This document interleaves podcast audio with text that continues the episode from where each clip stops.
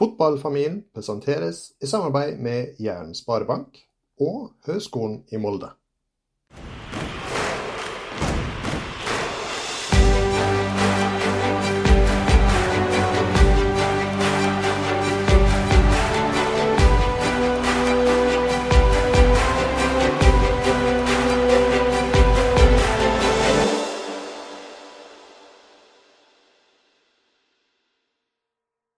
Hei, og velkommen til Fotballfamilien, en podkast for deg som er glad i fotball.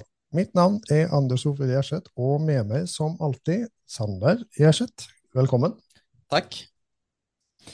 Da er det enda en spennende gjest og episode som står for tur, og jeg gleder meg til å snakke med en spiller som spiller i verdens morsomste liga. Eh, om ikke kanskje verdens beste, så definitivt en av de mest underholdende, i hvert fall for oss nordmenn.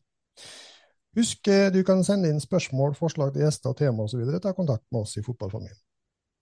Men som vi var inne på, dagens gjest Nå har jeg tråla Wikipedia igjen, eh, funnet noen fun facts. Eh, dagens gjest han er fra Lyngdal på Sørlandet, hvor han trådde sine første fotballsko, ifølge Wikipedia.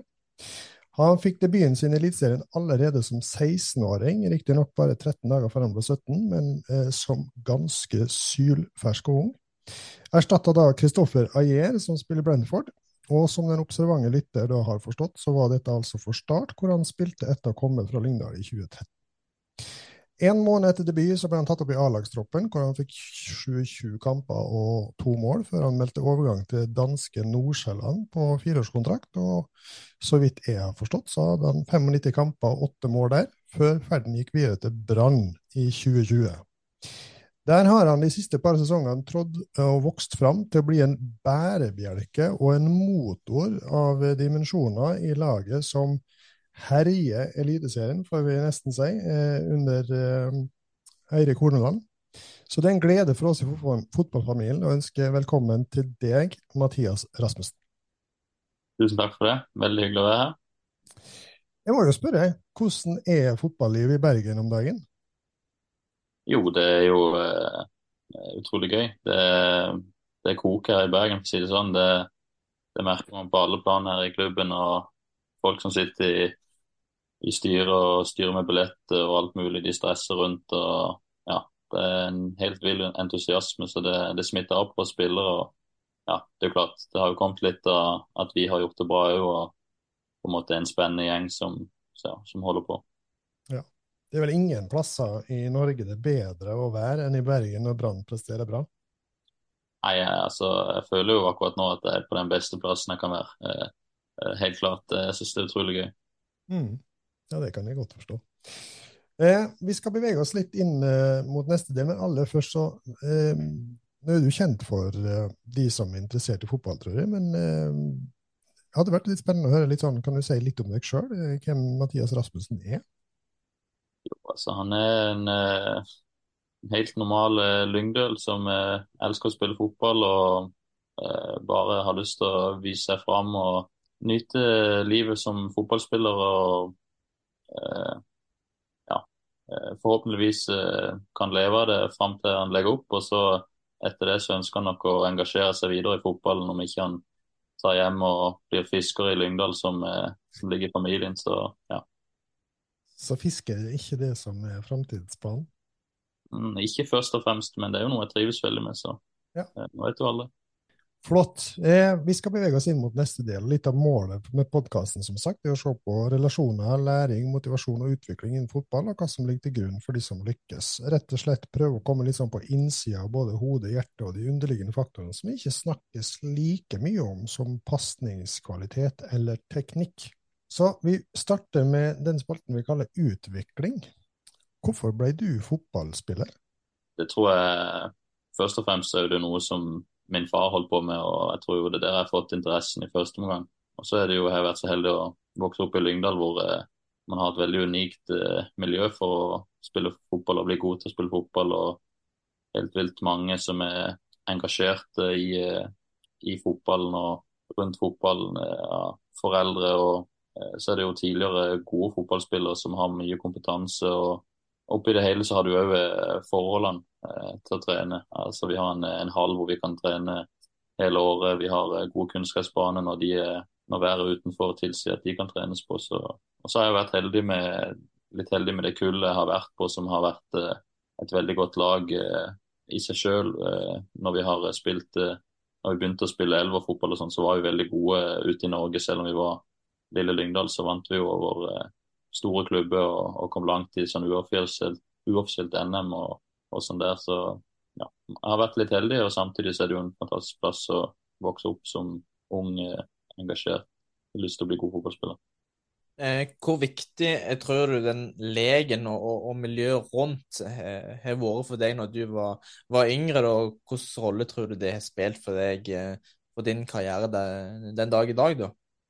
Lett å si at det er helt avgjørende, men, men for meg så har det jo vært uh, utrolig viktig at, uh, at vennene mine har syntes at det har vært så gøy hele tida å spille fotball. At liksom man har vært mange på samme båt jeg føler litt at jeg bare har blitt uh, dratt med i den flowen og aldri tenkt at jeg har lyst til å gjøre noe annet enn å spille fotball. Det er klart Noen ganger har det vært gøy å holde på med noe gaming eller noe når man var, var mindre. og Kanskje det var mer interessant enn en fotballtrening den ene dagen, men, men, alt i alt så har jeg alltid hatt lyst til å, å være med på den uh, fotballbølga. og eh, Syns det var utrolig gøy og spennende. Ja, det har vært veldig mye, veldig mye lek både i eh, skolegården og hjemme i eh, gata og i hagene til vennene mine og alt mulig. Så, så det har hele tida vært eh, kjør og, og, lek og noe som har, jeg, jeg syns har vært utrolig gøy. Mm. Jeg husker jo for en del år tilbake så spilte jo Slatko Tripic. Kjenner du Slatko? Ja, jeg kjenner han veldig godt. Ja, eh, Han spilte jo i eh, Egersund IK, eh, laget der Sander trodde sine første fotballsko. og Han gikk jo over til min barndomsklubb Molde. Mm. Da var vi så heldige at vi var på ferie der oppe når han signerte, og fikk liksom en skal ikke si vi har en personlig relasjon til han, men vi har veldig nært forhold til han sånn fotballmessig. Han har jo også flere ganger trukket fram på en måte sånn Lyngdal og det virker som en veldig sånn stolthet rundt eh, Lyngdal som plass og, og, og Lyngdal som klubb og miljø der. Er, er, det litt sånn at du opplever det et spesielt miljø for å utvikle det som fotballspiller?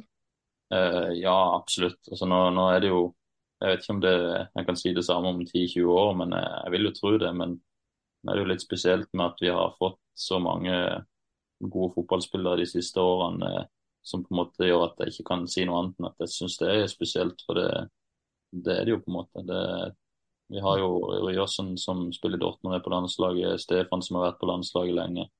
Slatko som holder på. Eman Markovic i Sverige osv. Så, videre, og så, så det, det, må være en spesiell plass. Det kan ikke se noe annet. mm. Eh, er det sånn at det er trenere som på en måte har hatt en spesiell um, rolle eller har vært viktigst for deg og kanskje andre i Lyngdal da, i, i den utviklingen dere har hatt fra tidligere?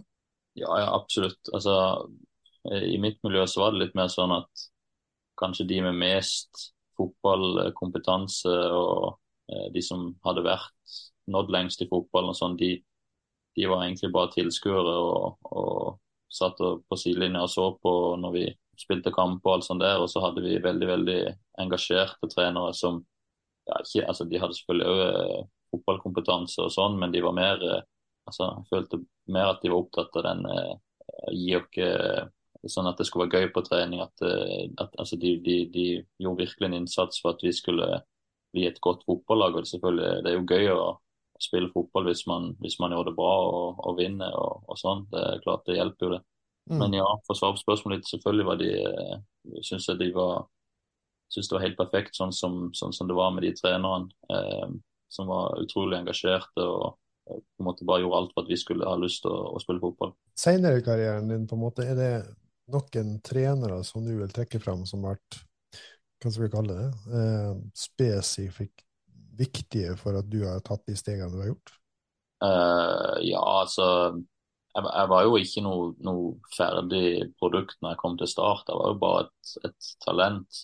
Så jeg hadde jo mye, mye ennå skulle lære. Og hvis jeg skal trekke fram eh, en som på en måte hjalp meg veldig mye når jeg kom til start, så er det Bård Borgersen. Han var veldig, veldig flink til å, å jobbe med, med, de som var unge talenter i start, og var veldig engasjert. og ja, fikk mye, mye ut av han og mye glede av han. Og så selvfølgelig når jeg kom på det stadiet at jeg skulle eh, spille fast med, med Start og var på en måte en del av, av den troppen, så, så, kom jo på en måte Steinar Pedersen og ga meg enda et lite løft. Så de, de, var på en måte veldig viktige for meg i forhold til at de hjalp meg med å ta det steget som på en måte fikk meg opp på profesjonelt nivå, hvis man kaller det sånn.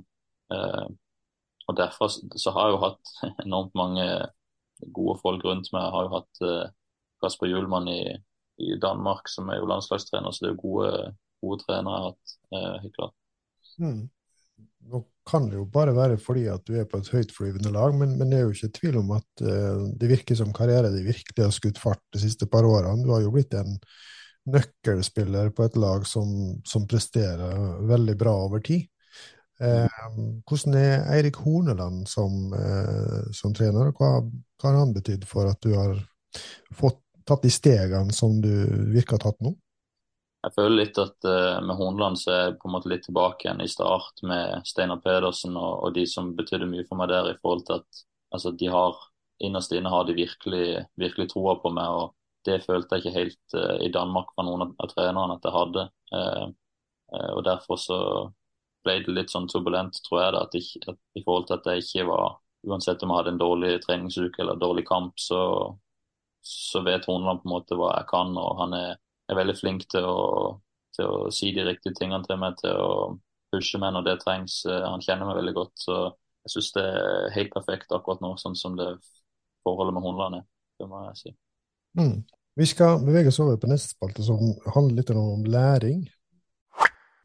Spalten presenteres i samarbeid med Høgskolen i Molde.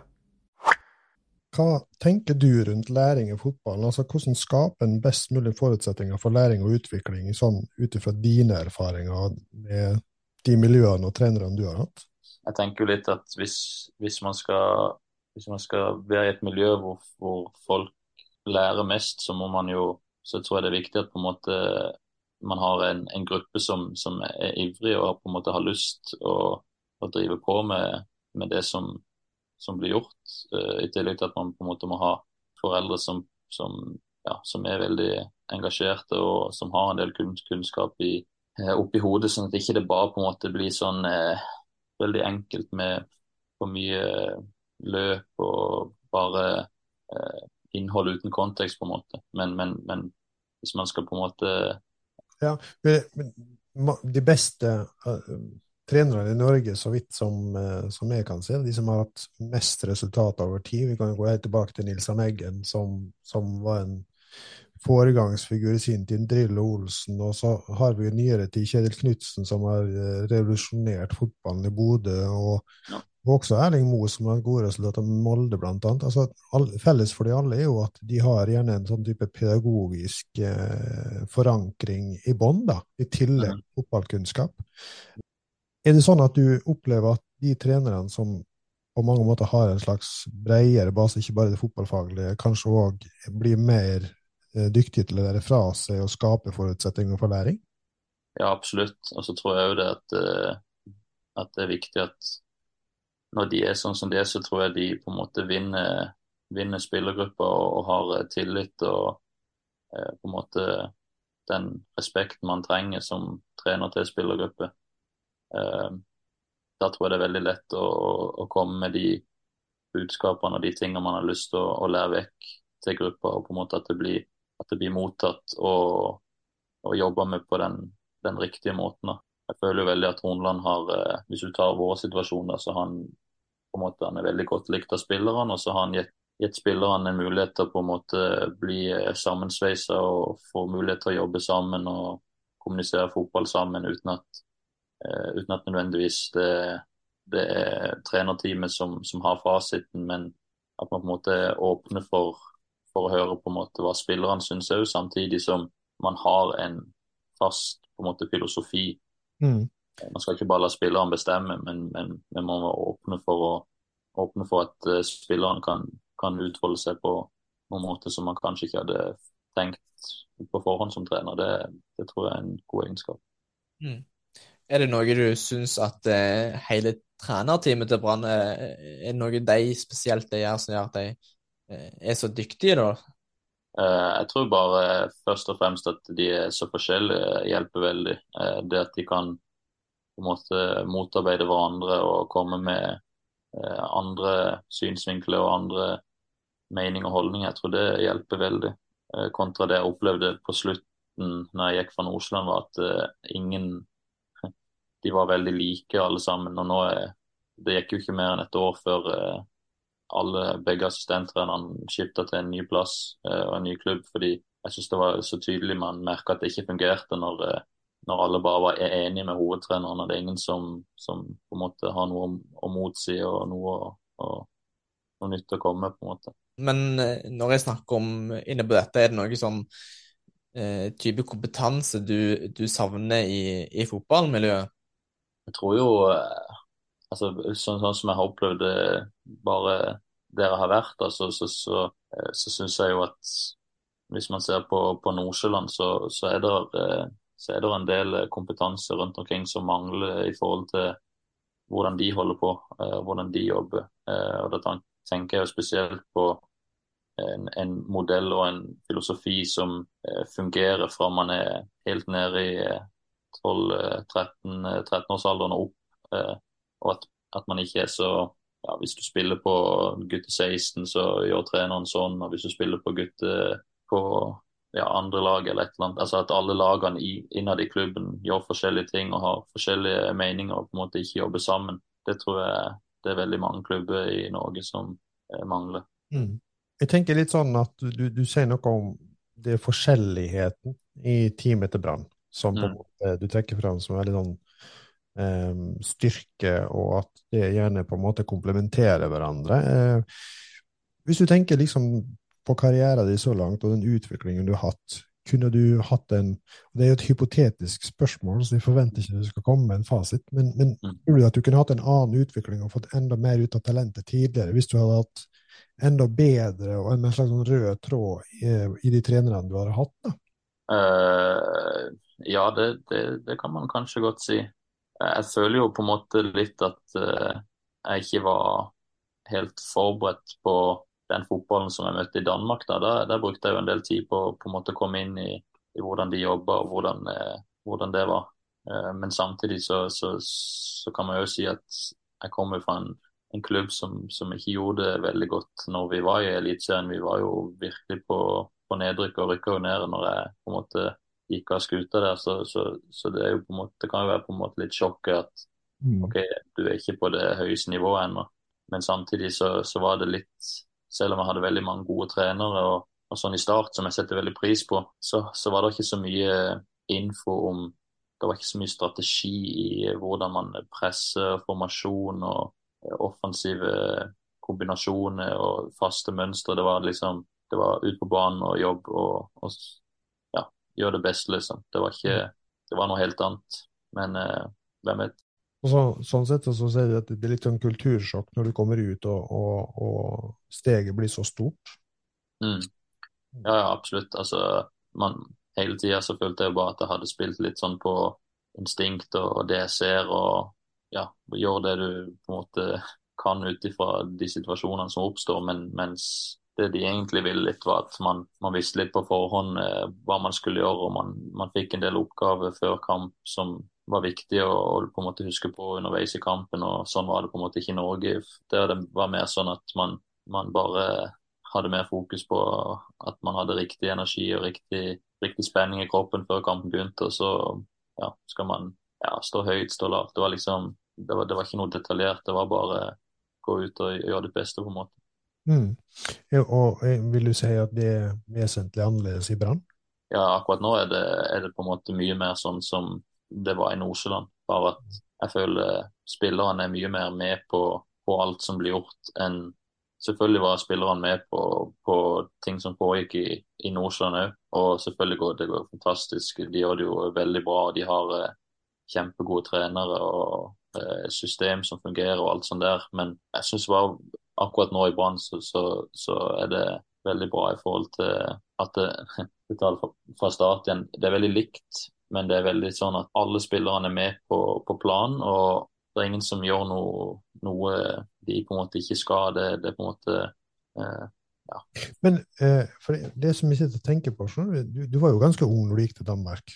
Mm.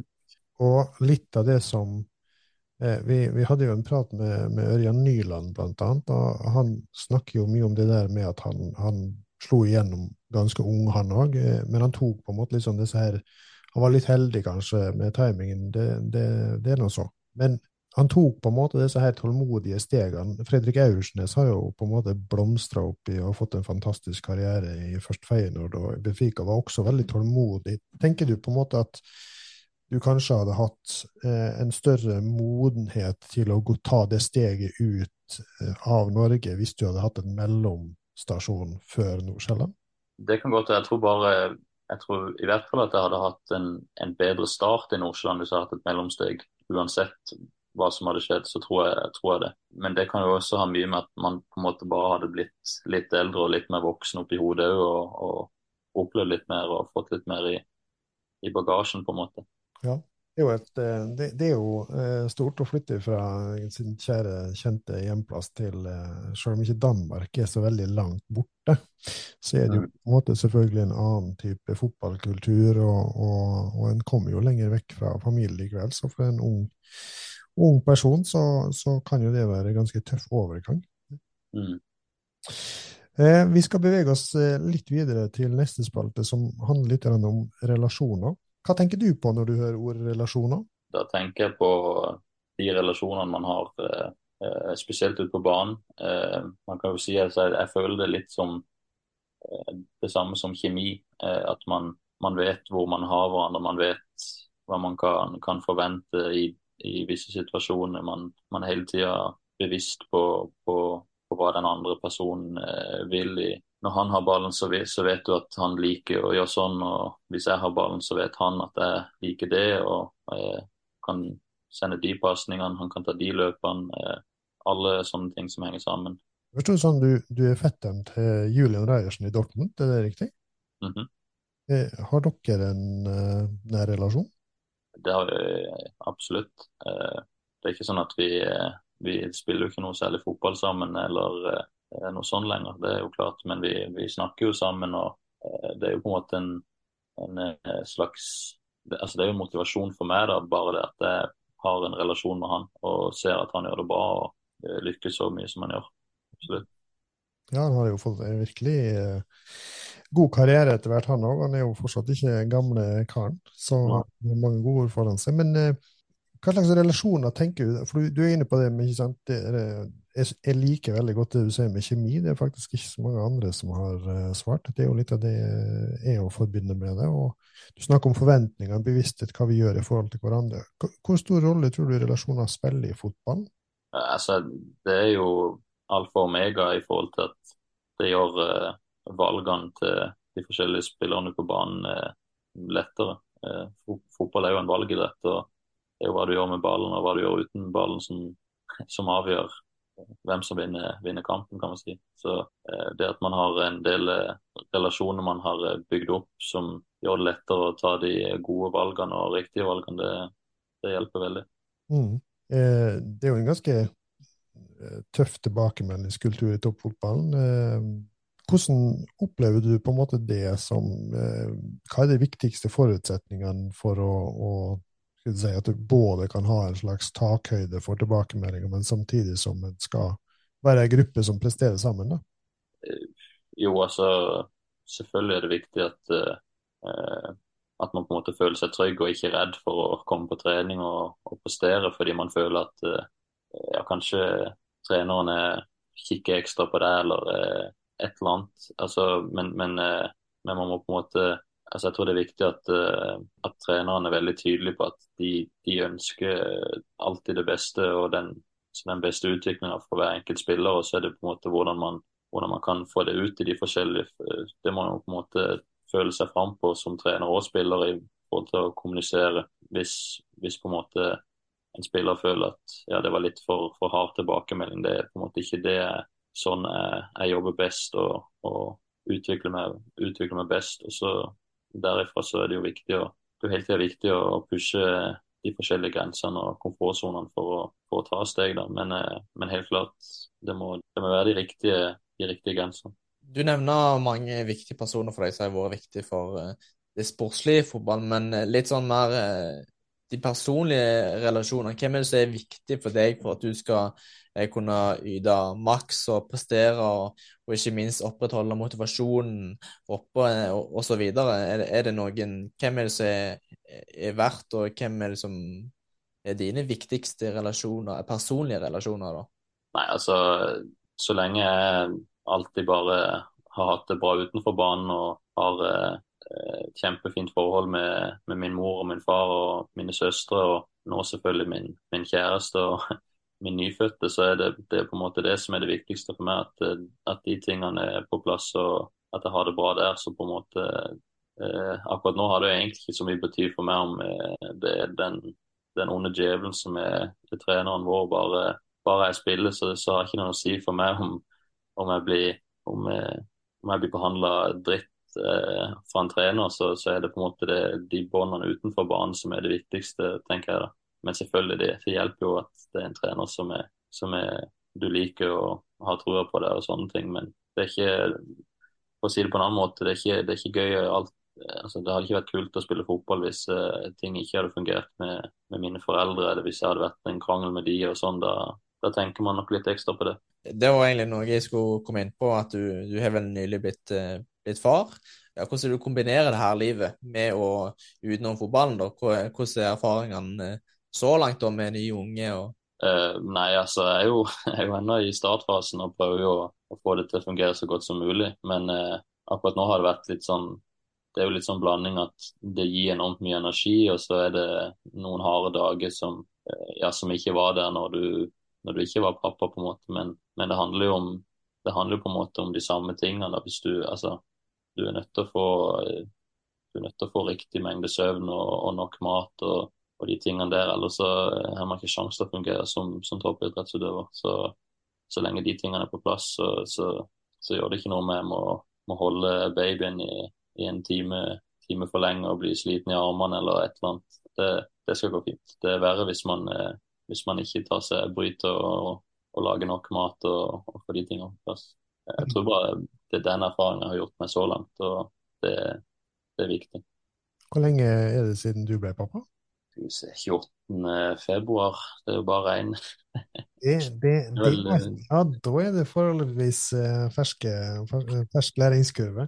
Ja. Det er jo litt sånn en av de tingene som jeg bruker å si at det, du må, altså det er vanskelig å vite hva det vil si å være foreldre før du sitter. Og Mm. it's learning by doing. Men, eh, men, men du er inne på noe vesentlig, fordi at um, de aller fleste av de gjestene vi har hatt, peker bl.a. på at enten om det er trener, som kan være en veldig sånn altoppslukende uh, jobb å ha, eh, eller om du er toppspiller som på en måte der hele familien egentlig må legge litt opp livet sitt rundt at du skal kunne ha best mulig og optimale forhold for å prestere.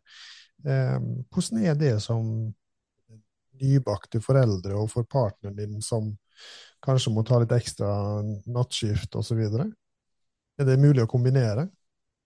Ja, ja, absolutt. Altså, det har gått veldig fint nå i, i starten. og jeg syns absolutt det, det er bare Hvis man ser framover, så er det mer positivt enn enn det var før. på en måte. Jeg synes det, det, er en, en kjempeenergifaktor når, eh, når man bare er bevisst på de små og viktige tingene som, som jeg sier med søvn og mat og de tingene, så, så, er det, så er det bare en ekstra motivasjonsfaktor eh, for meg, i hvert fall. Jeg kjenner veldig på at jeg syns det er utrolig gøy at uh, de er på kamp, og sønnen min er på kamp, selv om jeg ikke han aner eller uh, ser noen ting, så, så merker jeg på en måte at jeg vet han er der, og det, det gir meg energi. da, så, Mm. det, så enkelt er det.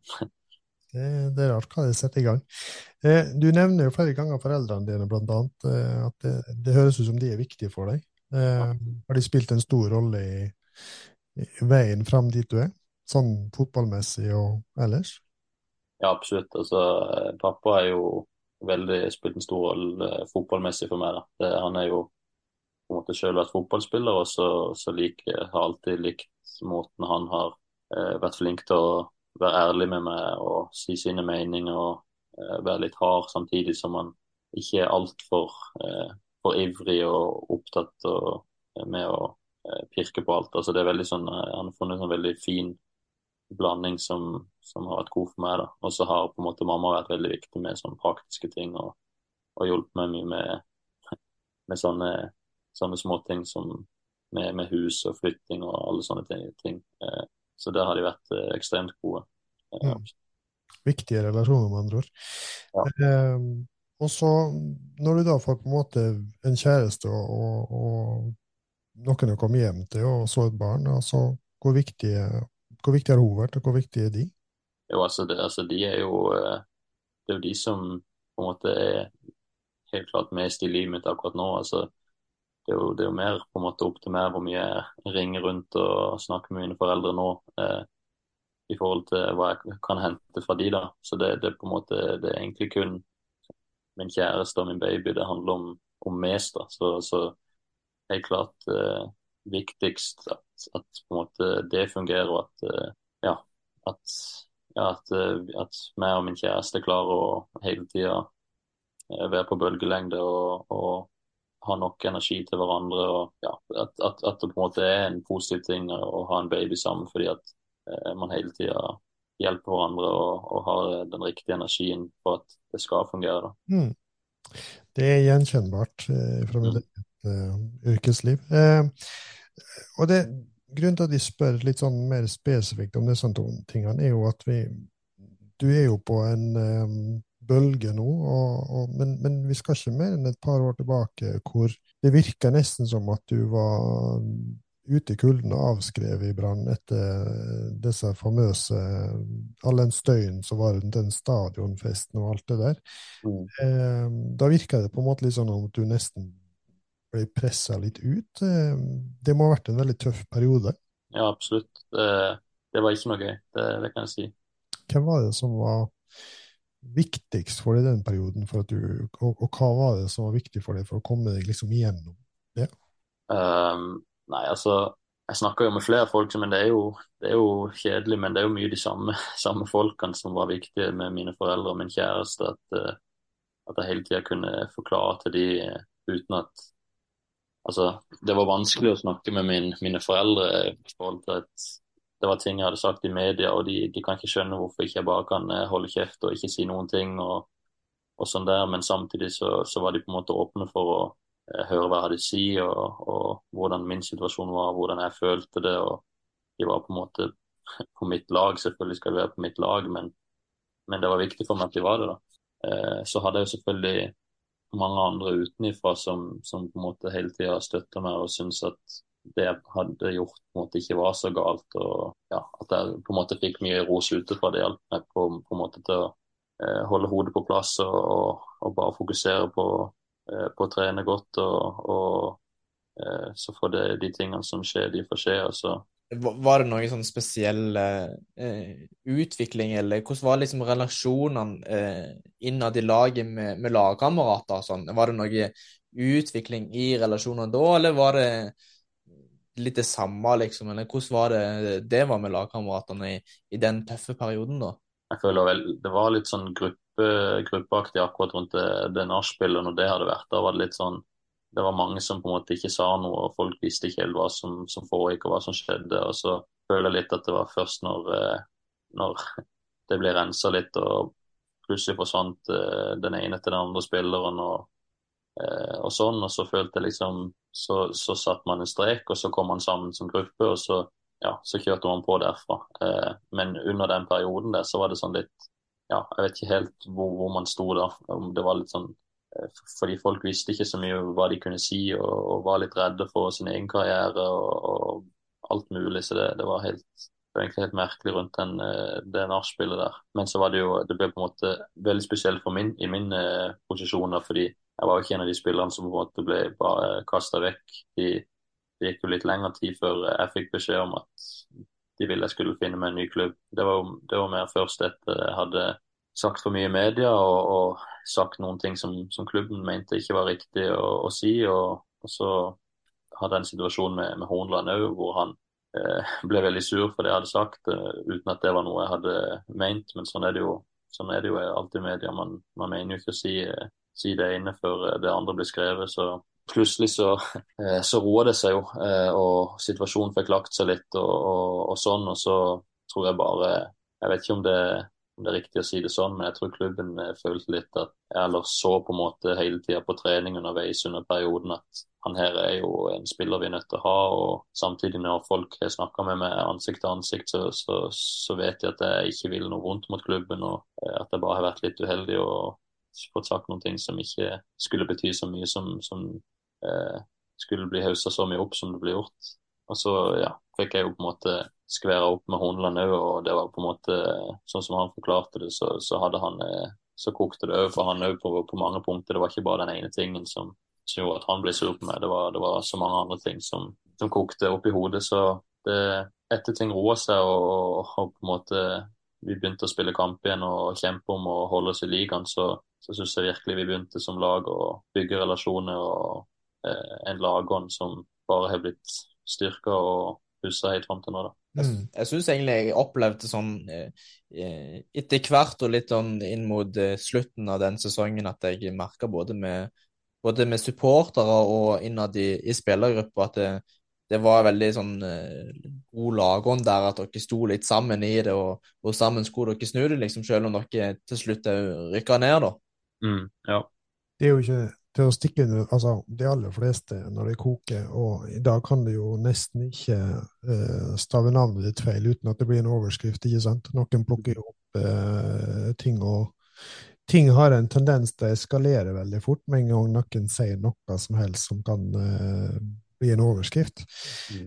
så én ting er jo at en kan gjøre feil i kampens hete eller i øyeblikket som det ble tatt litt sånn off guard. Men, men, det var jo veldig mange ledere i den eh, tida, sånn som jeg opplever det, som kanskje burde hatt en litt videre perspektiv og tatt litt større ansvar, som kanskje mm. var vel like cocky og lite gjennomtenkt i sine uttalelser. Eh, hvordan opplevdes det på en måte litt sånn for, for, det var sånn jeg opplevde det. for Du, du ble på en måte en sånn type hakkekylling eller uh, jeg skal ikke si du ble et slags offer, men, men mm. du ble på en måte litt sånn kasta foran bussen, sånn ja. som du opplevdes utenfra i hvert fall. Ja, altså, det føltes absolutt sånn. Og så var det jo veldig sånn så Det som en del journalister har sagt til meg i etterkant, er at de opplever meg som veldig ærlig og, og direkte. Og, og da syns jo journalistene det var veldig gøy å hele tida gå etter meg, fordi jeg var den eneste som på en måte tørde å si noe og var ærlig. Og det er jo på en måte noe som jeg selvfølgelig burde lært dette gang på gang, men, men, det er jo helt spesielt med media her i Bergen eh, i forhold til andre plasser jeg har vært, hvor, hvor du på en måte har lyst å, å, være ærlig og si gode ting, fordi eh, du blir bare bygd opp av media, og de ønsker å bygge opp om klubben lokalt. og Det er bare masse god PR hele tida og eh, good vibes, holdt jeg på å si. Men sånn er det ikke i, i Bergen. Da, da, han, da, er de ute etter å skape overskrifter og angripe spillerne heller. Det, det er litt mer sånn det her. Ja, det, det, det, det koker mer på, på, på, alle kanter, på godt og vondt. Eh, mm. Vi skal ikke sitte her på en måte og dra det gjennom dette i, i en hel kveld, men var du inne på tanken å gi deg på noe tidspunkt i Brann, eller med fotball som sådan, når, når det var som størst trøkk?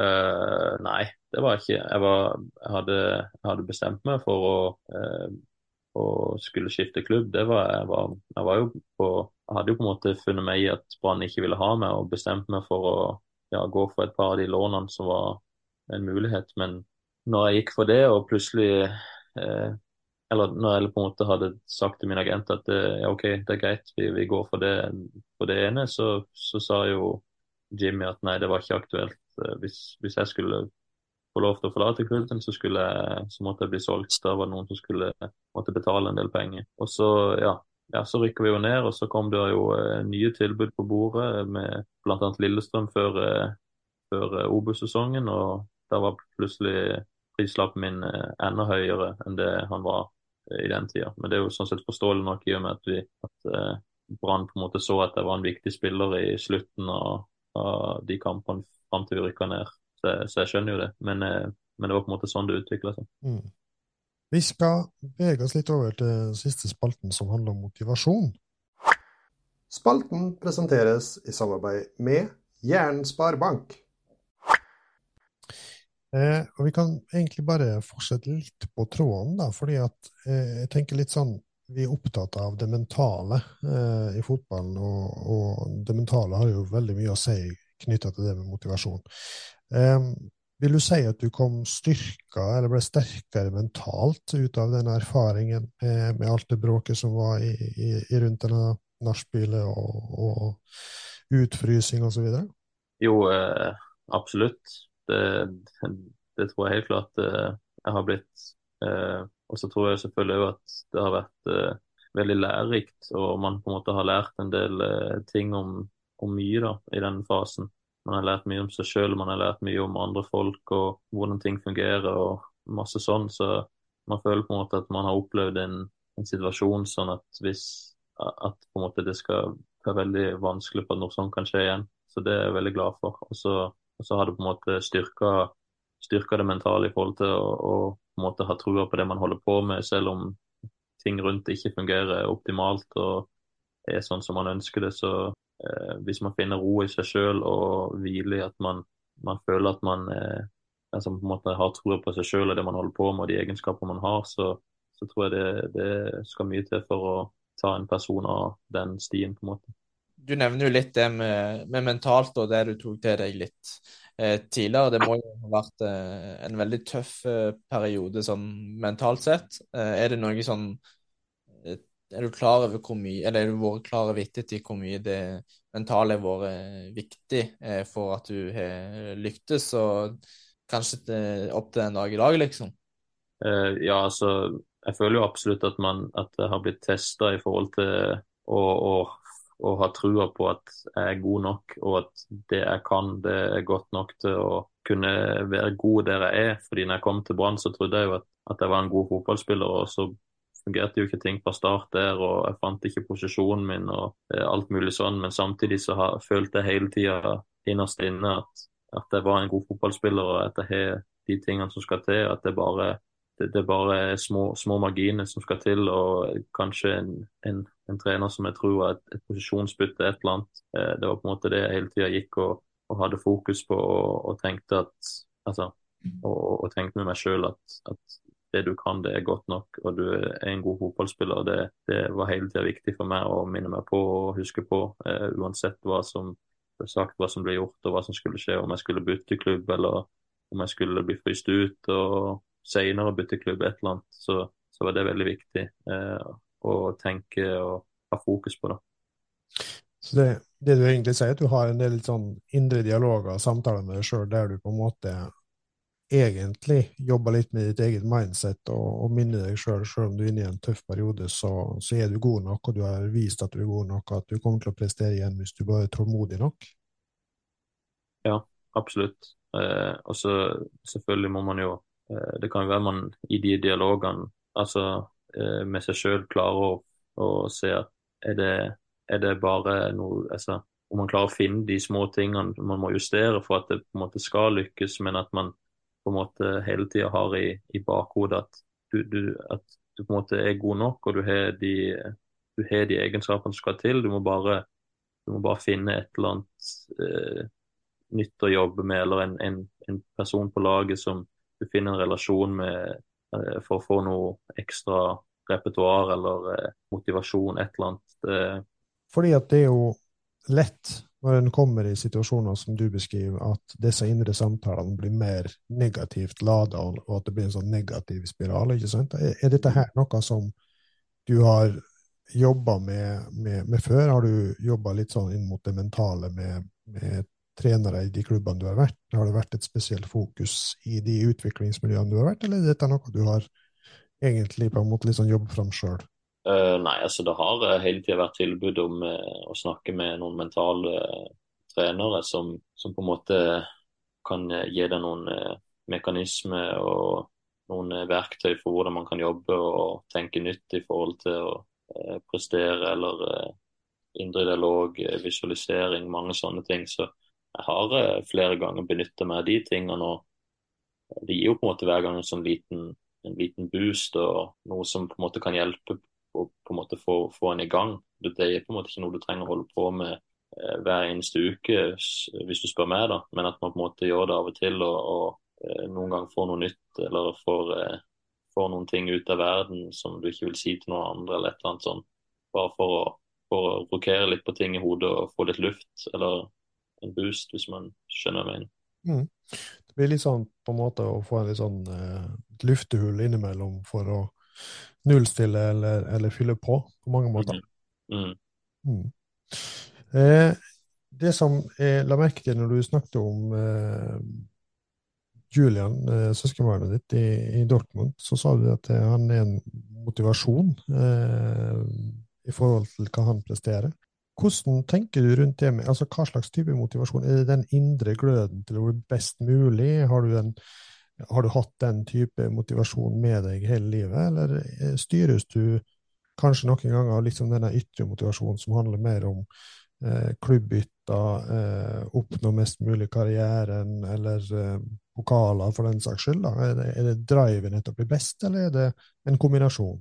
Jeg vil tro det er en kombinasjon, og så har det nok blitt mer eh, det ytre på senere i karrieren min enn at altså, på en måte at nå har jeg lyst til å, å vinne ting òg. Altså, jeg har lyst til å eh, stå igjen med noe etter karrieren, helt klart. Men, men det, det, det, er nok aller mest den der eh, lysten til å alltid være best og, og vise seg fram og på en måte ja, jeg syns jo det, det, er utrolig gøy å være best. Det er utrolig gøy når man er den beste og får uh, ros uh, etter en kamp, f.eks. Det, det er det som alltid har motivert meg. da. Mm. Vi skal begynne etter hvert å gå inn for en slags landing. Eh, hvis vi på en måte kan, Det siste spørsmålet jeg skal stille i forhold til motivasjon. da. Eh, hva slags mekanismer i fotballen opplever du er det som er mest krevende å tappe for mest energi? Det, det eneste jeg kan tenke på, er er på den situasjonen som er i Bergen med media, at hvis du måte, hvis du skal komme til å si eh, feil ting eller eh, begynne å For meg handler det jo om at, at, det har vært eh, noen uheldige ting som jeg har sagt, som har gjort at det er så mange rundt som har lyst til å si ting til meg om én ting, og du må forklare det til så mange, og det tapper mye energi. Men så tror jeg jo for, for mange andre så kan det jo være at man må jo ikke altså man må ikke lese de tingene som blir skrevet. og, og så Når du vet at det er negativt, så må du på en måte prøve å unngå det og ikke, ikke ta det til deg. Altså, det er ikke noe jeg tar til meg hvis, hvis det etter en kamp står og viser at Rasmussen var dritdårlig og bla, bla, bla. Så, så er ikke det noe som, eh, som jeg leser og tar til meg. eller eh, altså Det er ikke noe problem for meg å stenge ute, men, men jeg tror absolutt det er noe som er veldig vanskelig for flere. Kan være vanskelig for flere på det punktet her. Mm. Um, litt sånn spørsmål rundt uh, årets sesong, da. Uh. Hvor tror du uh, dere i Brann ender til slutt, og tror du det, det kan ende opp med en medalje? Ja, jeg, jeg, tror helt klart det. så tror jeg jo at det har vært lettere å svare på etter Sarpsborg-kampen. Jeg syns det er litt spennende å se hvordan vi, hvordan vi responderer nå, nå som vi på en måte egentlig føler vi skulle ha vunnet forrige kamp, og, men ikke klarer å, å skåre mål. Og, eh, og, og, de tingene der, men om vi på en måte ikke lar oss stresse av det, om vi bare fortsetter å kjøre på og, og tenke prestasjon og tenke kamp for kamp, hvis vi på en måte klarer å, som lag å nullstille til neste kamp, så eh, jeg sier ikke at vi må vinne den neste kampen for at vi skal få medalje, men eh, hvis vi på en måte hvis vi bare holder på en måte den samme energien og samme kursen som vi har holdt eh, fra start og til nå, så, så tror jeg det er veldig mulig.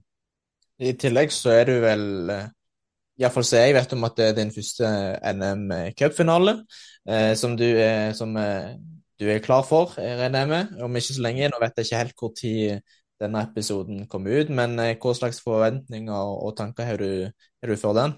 Nei, altså det Jeg syns det, jeg det er utrolig spennende. Jeg, altså det, det, jeg gleder meg helt vilt til den kampen. Jeg tenker bare at jeg kan ikke skjønne hvordan ikke det blir en, en kamp hvor vi, altså hvor vi, som kommer til å leve, i hvert fall om ikke vi eh, stikker av fra start, så skal vi i hvert fall være med helt til slutt og, og kjempe, tenker jeg da. Eh, jeg føler bare at den gjengen som vi har nå, de eh, kommer til å være så klar til den kampen at det, det, det er nødt til å bli en, en gøy kamp for, for seerne å se på. Det, det, er litt sånn, sånn jeg tenker. Det er vel litt sånn som det har vært snakk om i media, det er jo egentlig en helt perfekt eh, kamp for eh, den nøytrale seer. Og i tillegg så har du jo et eh, billettkaos uten like, som vi har blitt meldt om. Men litt over på noe annet. Har du noe, noen tips til, til, unge spillere med tanke på dine erfaringer om hva som skal lykkes til slutt? Du nevner jo bl.a. dette med, det med media og Ja, jeg tror det Altså, det er jo selvfølgelig helt klart viktigst i uh, klisjétingene med at det må alltid være, det er gøy å spille fotball. Det må være noe du har lyst til. Det må være noe som kommer innifra at uh, du har lyst til å bli god. Det må ikke være noen, noen, som, noen uh, utenifra som, som, presser deg, eller noe sånt. Og så, så tror jeg at det det er ikke feil å, å, få en del uh, fotballkunnskap inn i hodet som, hvor man prøver å forstå spillet, i og med at det, fotballen går fortere og fortere og blir mer og mer taktisk på, på mange punkter, så tror jeg det, jeg tror det kan bli lettere og gøyere noen ganger hvis man, hvis man prøver å forstå forskjellige aspekter med, med fotballen eh, tidlig. Ja, jeg, det var nok eh, god innspill for eh, unge lyttere å, å, ta med seg videre, tenker jeg iallfall. Eh, har du noen tanker om hvordan det har vært å være med på i denne podkasten? Ja, det er jo det, Jeg syns det er gøy. Det er helt klart uh, interesserer meg å snakke om fotball og, og erfaringer. og få litt eh, Man får jo sjøl litt eh, noen, nye, noen nye tanker og sånn når man bare tenker gjennom ting som har skjedd og karriere og prøver å få litt ord på det. Så, så det, det, kan jo være hvis vi hadde tatt de samme spørsmålene en, en annen dag, så hadde det vært helt andre svar og eh, noen nye ting jeg kom på. Så det man vet aldri. Men eh, det er gøy å snakke om i hvert Det er bra. Har du noen eh, tips og innspill til dere på, på, veien videre? Eventuelt hvem du kan eh, invitere av gjester, og, og kan bruke denne podkasten til å spre kunnskap om fotball eh, videre? Jeg har ikke tenkt på noen, men ja, det må jo være interessant å, å, høre fra en, tenker en de en, en, trener som har opplevd veldig mye og, og, som har en del å komme med. Selvfølgelig er jo, er jo Horneland sikkert en person som, som har gøy å høre fra, men det er sikkert noen med, som er enda mer fotballfaglig kunnskap enn han, som er gøy å høre fra. Men jeg har ikke noen konkrete, nei. nei. Det er bra, Mathias. Eh, vi skal ikke holde en eh, småbarnsfar eh, opptatt på en kveld mer enn vi må. Jeg har jo lyst til å avslutte først og fremst med å takke deg for at du stiller opp. Jeg syns det er kjempeartig at du sier det du sier hele avslutningsvis, fordi det er jo sånn at litt av mitt mål for poden har jo vært å, å utforske ting som jeg jobber med til daglig, i en annen kontekst enn det jeg jobber med til vanlig.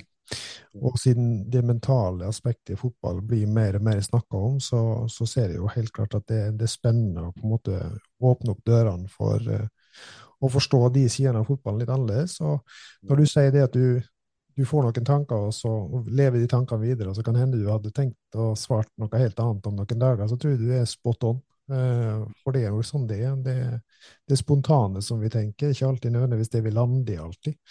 Ja. Så, um, så, det er jo uh, gøy å høre. Um, så takk for at du stiller. Uh, setter stor pris på det. Jeg ønsker jo deg all mulig hell og lykke i cupfinalen. Eh, som ihuga Molde-supportere så kan vi dessverre ikke ønske at du skal få gull. Men, men cupfinalen kan vi virkelig ønske deg at du skal få over pokalen. Det, det håper jeg. Så Bergen og Brann hadde fortjent det etter noen års motgang. Mm, absolutt. Så, så, lykke til med det. Jeg tror iallfall det blir en heidundrende stemning, for det er vel to supportergrupperinger som ikke akkurat er kjent for å ikke lage lyd. Nei, så det blir fest. Det gjør det. Mm. Så takk eh, til deg. Eh, Sander, du har noen eh, vanlige oppfordringer helt til slutt til våre lyttere? Følg dere på sosiale medier. Eh, Facebook, Twitter, TikTok og Instagram. Og så har du å gjerne abonnere på noe der du hører på podkast. Det er bra. Flott. Da runder vi av eh, for i kveld eh, med eh, mer eller mindre velvalgt ord. Takk for oss, og på gjenhør.